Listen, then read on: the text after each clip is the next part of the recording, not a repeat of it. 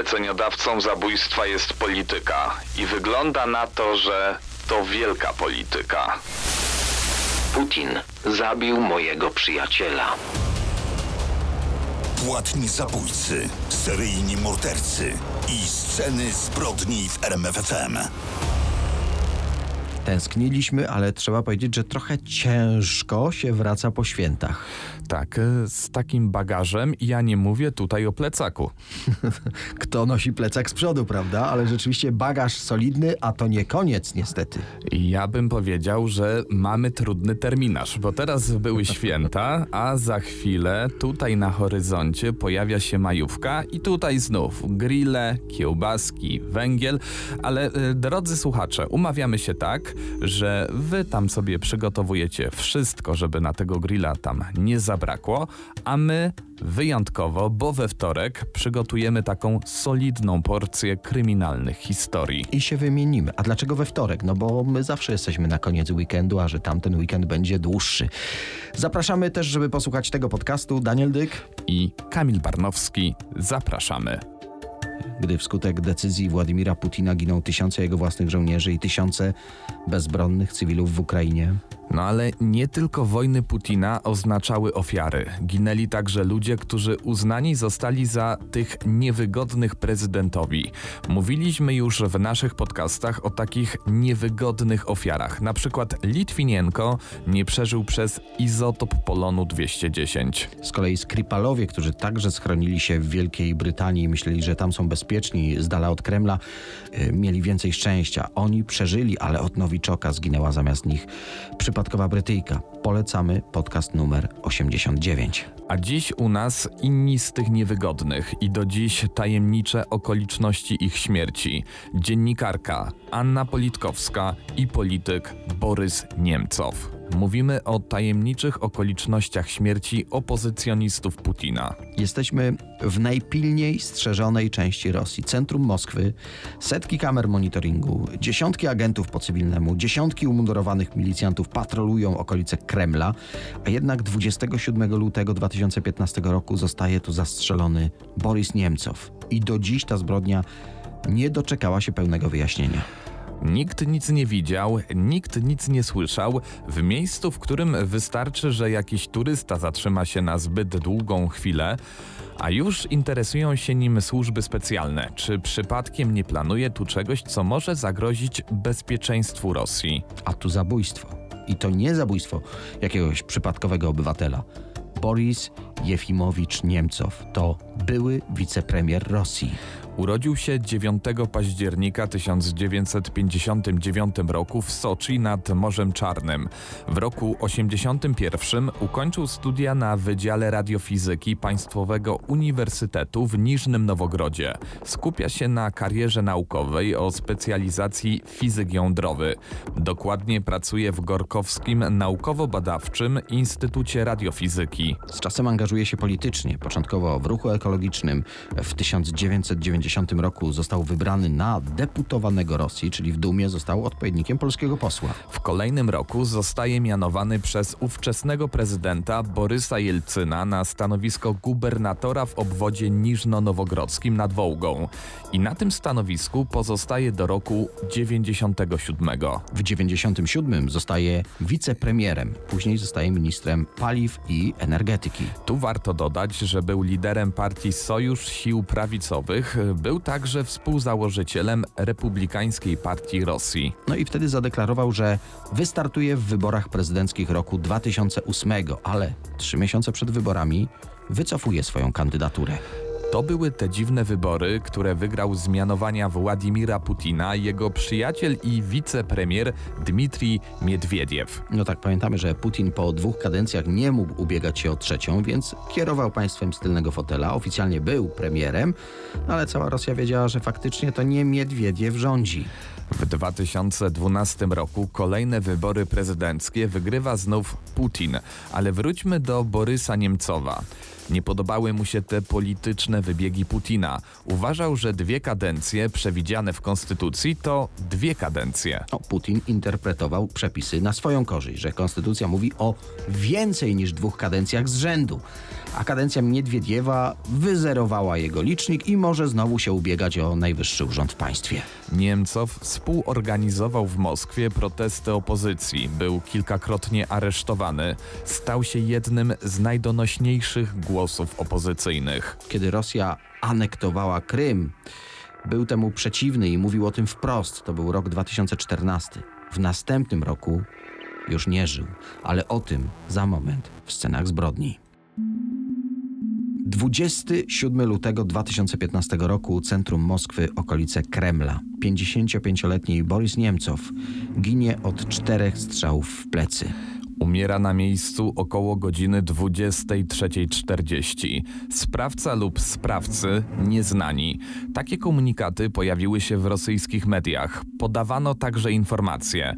Z zeznań świadków wynika, że zabójca odjechał białym samochodem. Córka Niemcowa, jedna z czwórki jego dzieci, nie miała wątpliwości. Może sprawca jest nieznany, ale zleceniodawca oczywisty.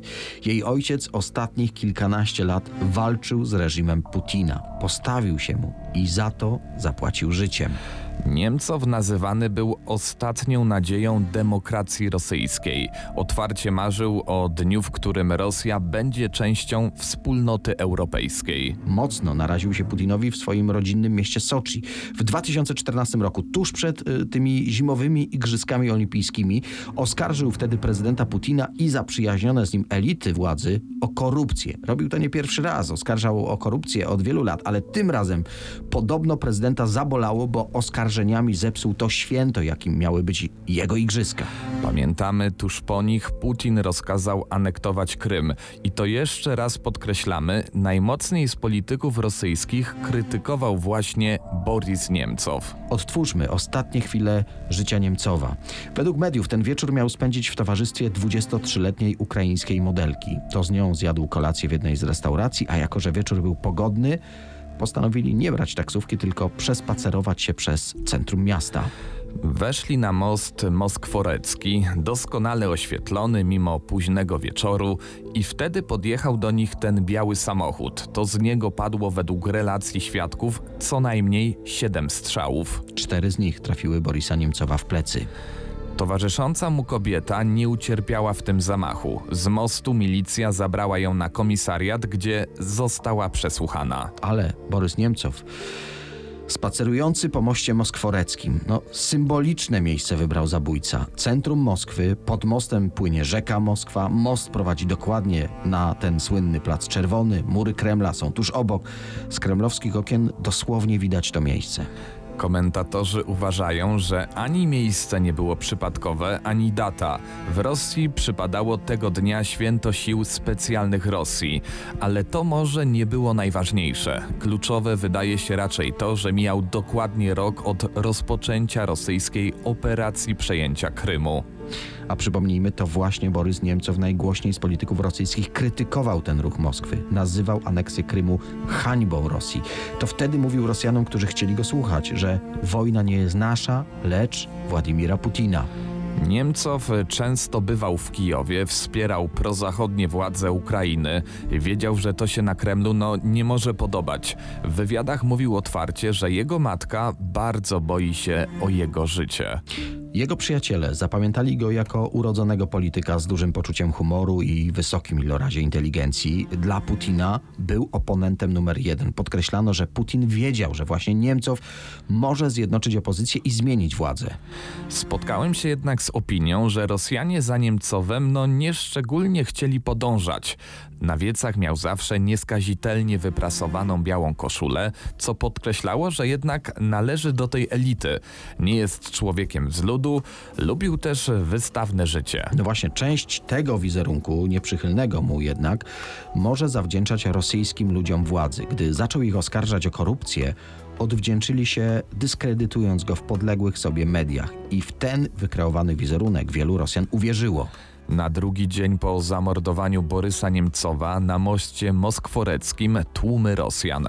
W miejscu, w którym zginął stosy kwiatów, białe i czerwone, głównie goździki i tulipany. Płoną znicze. Wielu jego sympatyków płacze. Ktoś trzyma transparent Putin ubił mojego druga. Putin zabił mojego przyjaciela.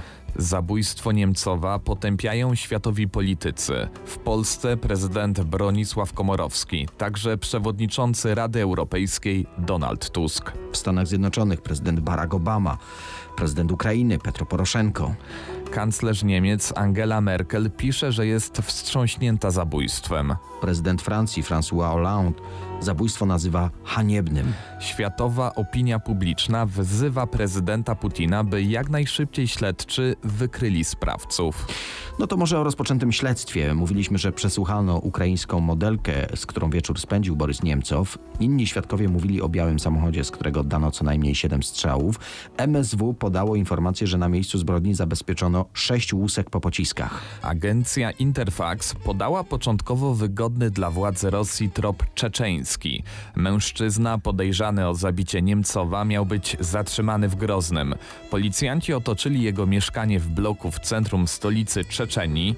On nie chciał się poddać, rzucił granatem w stronę policjantów, a kolejny granat zdetonował w mieszkaniu. W taki sposób sam wysadził się w powietrze. Dodajmy, że nakaz jego zatrzymania miał pochodzić z Moskwy, a mężczyzna nigdy wcześniej nie był notowany. Wkrótce pojawia się jednak kolejny trop, też czeczeński. W wyniku działań operacyjnych zatrzymano pięciu podejrzanych. Sąd rejonowy w Moskwie nakazał ich aresztowanie. Byli to 33-letni Anzor Gubaszew, pracownik prywatnej firmy ochroniarskiej w Moskwie, jego 31-letni brat Szagit Gubaszew, a także 34-letni Tamerlan Jeskierhanow, 45-letni Hamzat Bahajew i 32-letni Zaur Dadajew. I to właśnie Dadajew miał strzelać. Pozostali mieli kierować samochodem, z którego oddano strzały, albo dostarczać broń, albo śledzić Niemcowa. Żaden z nich nie przyznał się początkowo do winy. W końcu Zaur Dadajew, były wojskowy, zastępca dowódcy batalionu Północ Republiki Czeczeńskiej, bierze wszystko na siebie. To on strzelał.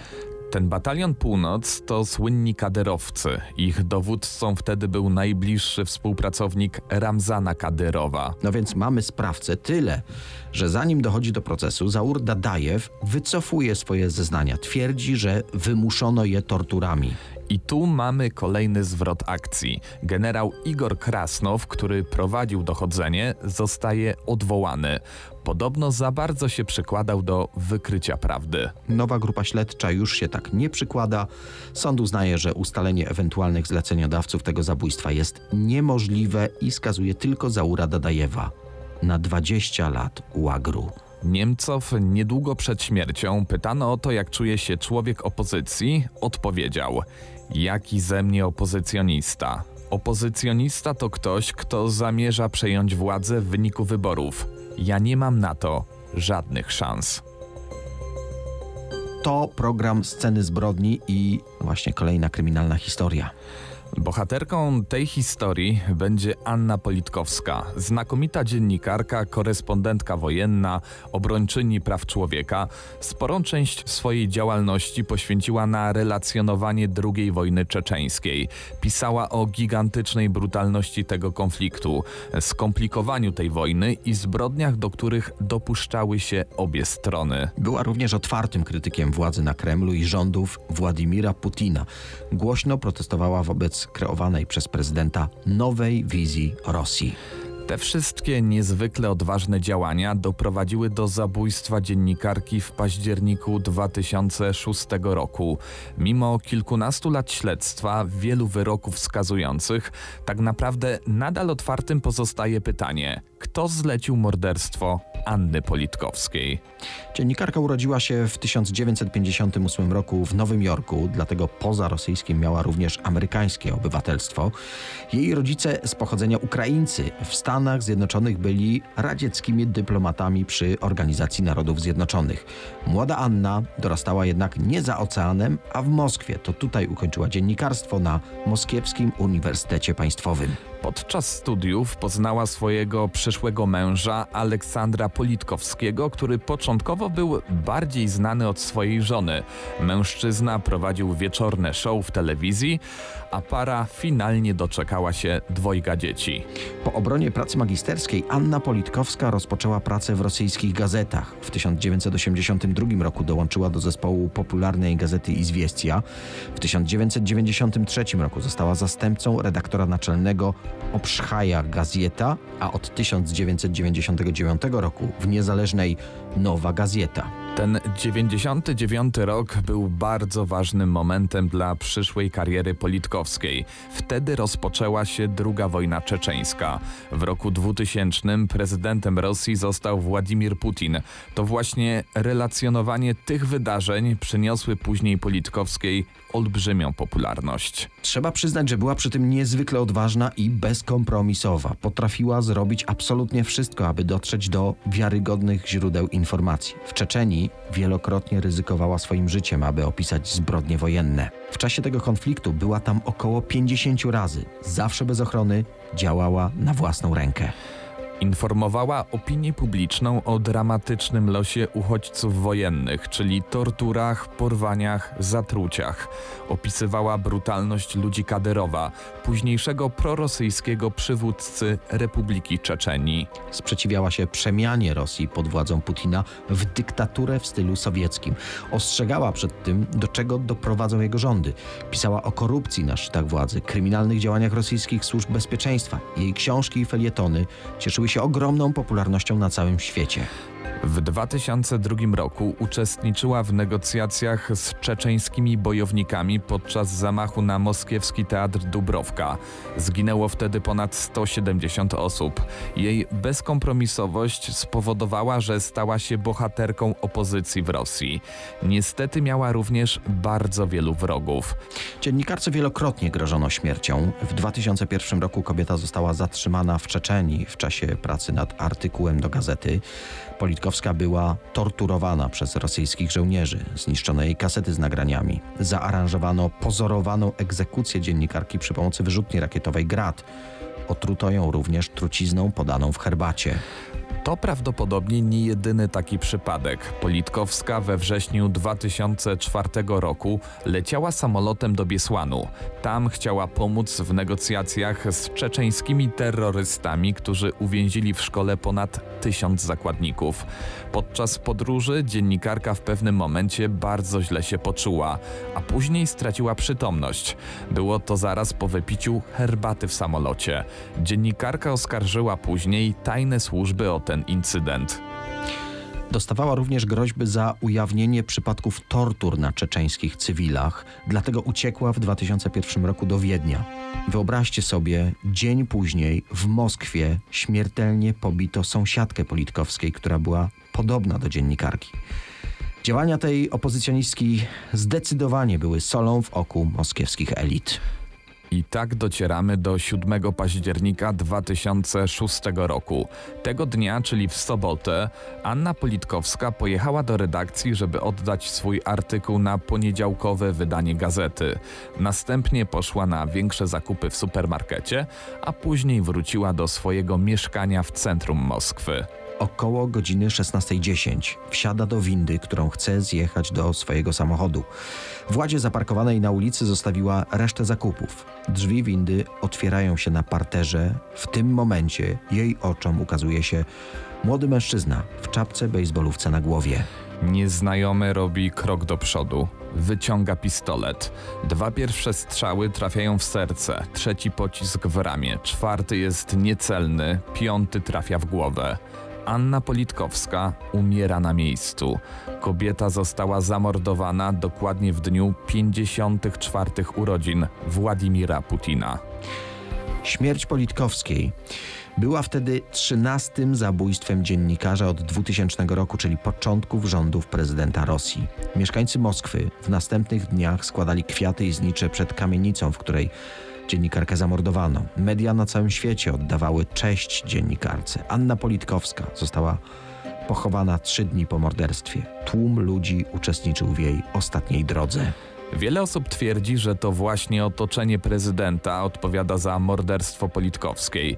Jednak równie prawdopodobna była zemsta prorosyjskich czeczeńskich bojowników, których zbrodnie opisywała dziennikarka. Rosyjskie media oskarżyły o zlecenie tego zamachu Borysa Bierzowskiego. Jeden niecelny strzał zamachowca i mnóstwo pozostawionych przez niego niedopałków papierosów sugerował śledczym, że mordercą nie był zawodowy zabójca, a raczej amator.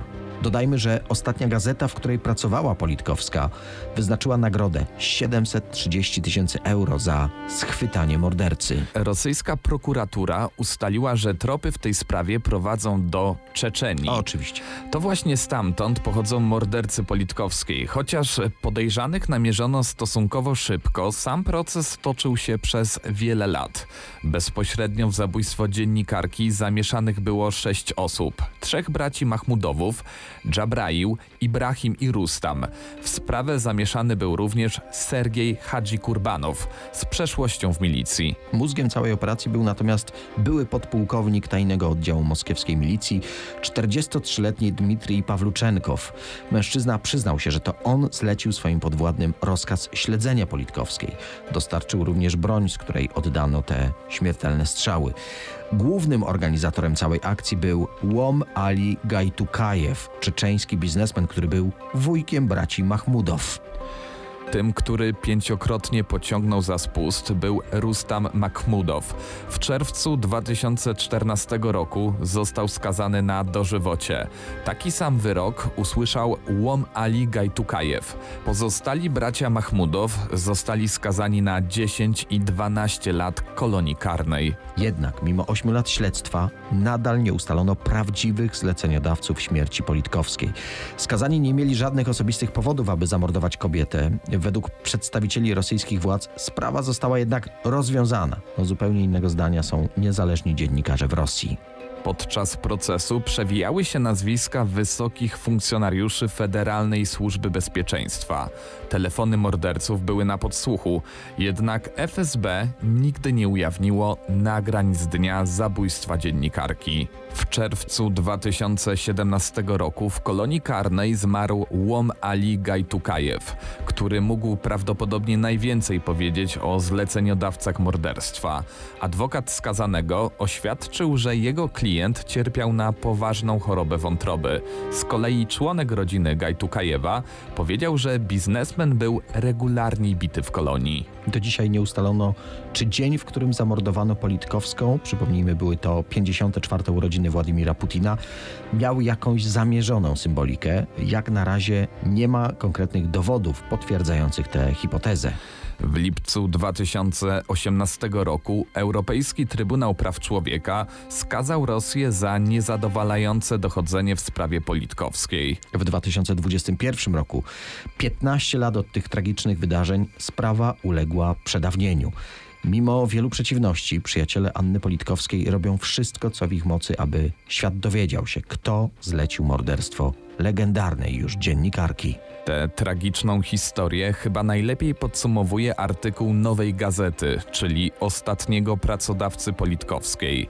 Zleceniodawcą zabójstwa jest polityka i wygląda na to, że to wielka polityka.